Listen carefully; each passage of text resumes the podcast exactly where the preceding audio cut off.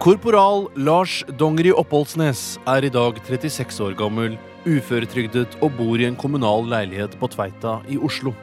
Sammen med hamsteren Ruger og en flaske med billig konjakk. Korporal Lars Dongeri Oppholdsnes tjenestegjorde i den norske Unifil-styrken i Libanon fra 1989 til 1991. Det var eventyrlysten og spenningen som ledet Dongeri Oppholdsnes til FN-tjeneste, men i dag sitter han igjen overvektig med tunge posttraumatiske lidelser og kjærlighetssorg. Jeg har stadig mareritt om den kvelden. Hva skjedde? Ja, vi satt i messa og spiste og åt. Det var libanesisk mat den kvelden. da.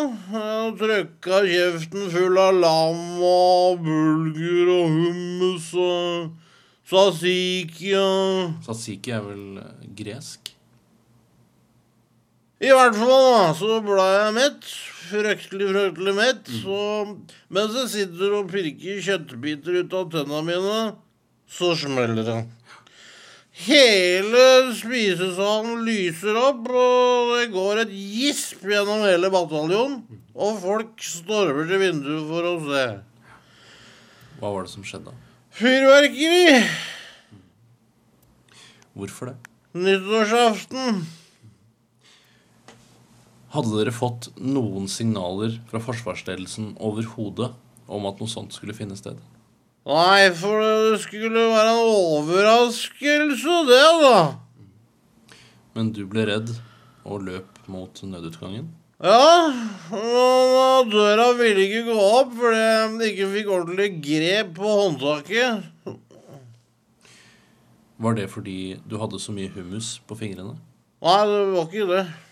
Jo, det var det. Korporal Lars Dongeri Oppholdsnes meldte hendelsen til Krigsadvokaten, men saken ble henlagt. Etter episoden begynte Oppholdsnes å få problemer med nervene.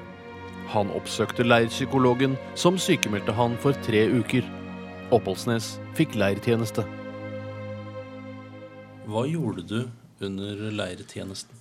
Jeg hadde i hvert fall tenkt å sitte i solveggen og spille Gameboy, i hvert fall. da.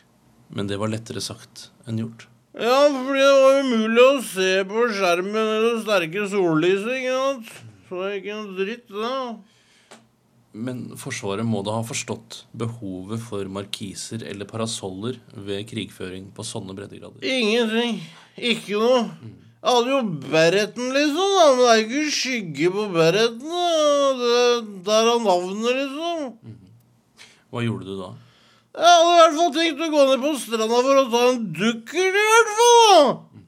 Så, Men du turte ikke fordi du var redd for at lokalbefolkningen skulle le av den bleike og feite kroppen din? nei, det var jeg ikke redd for. Eller jo, jeg var redd for det.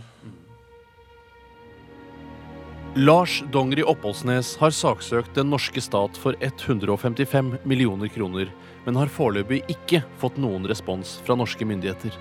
For hver dag som går, blir han sykere og sykere og feitere og feitere. Hva tenker du nå? Nei, nå har jeg egentlig bare lyst til å blåse huet av meg. Hvorfor gjør du ikke det? Det er jo fryktelig dumt hvis jeg får de penga. Det er jo det.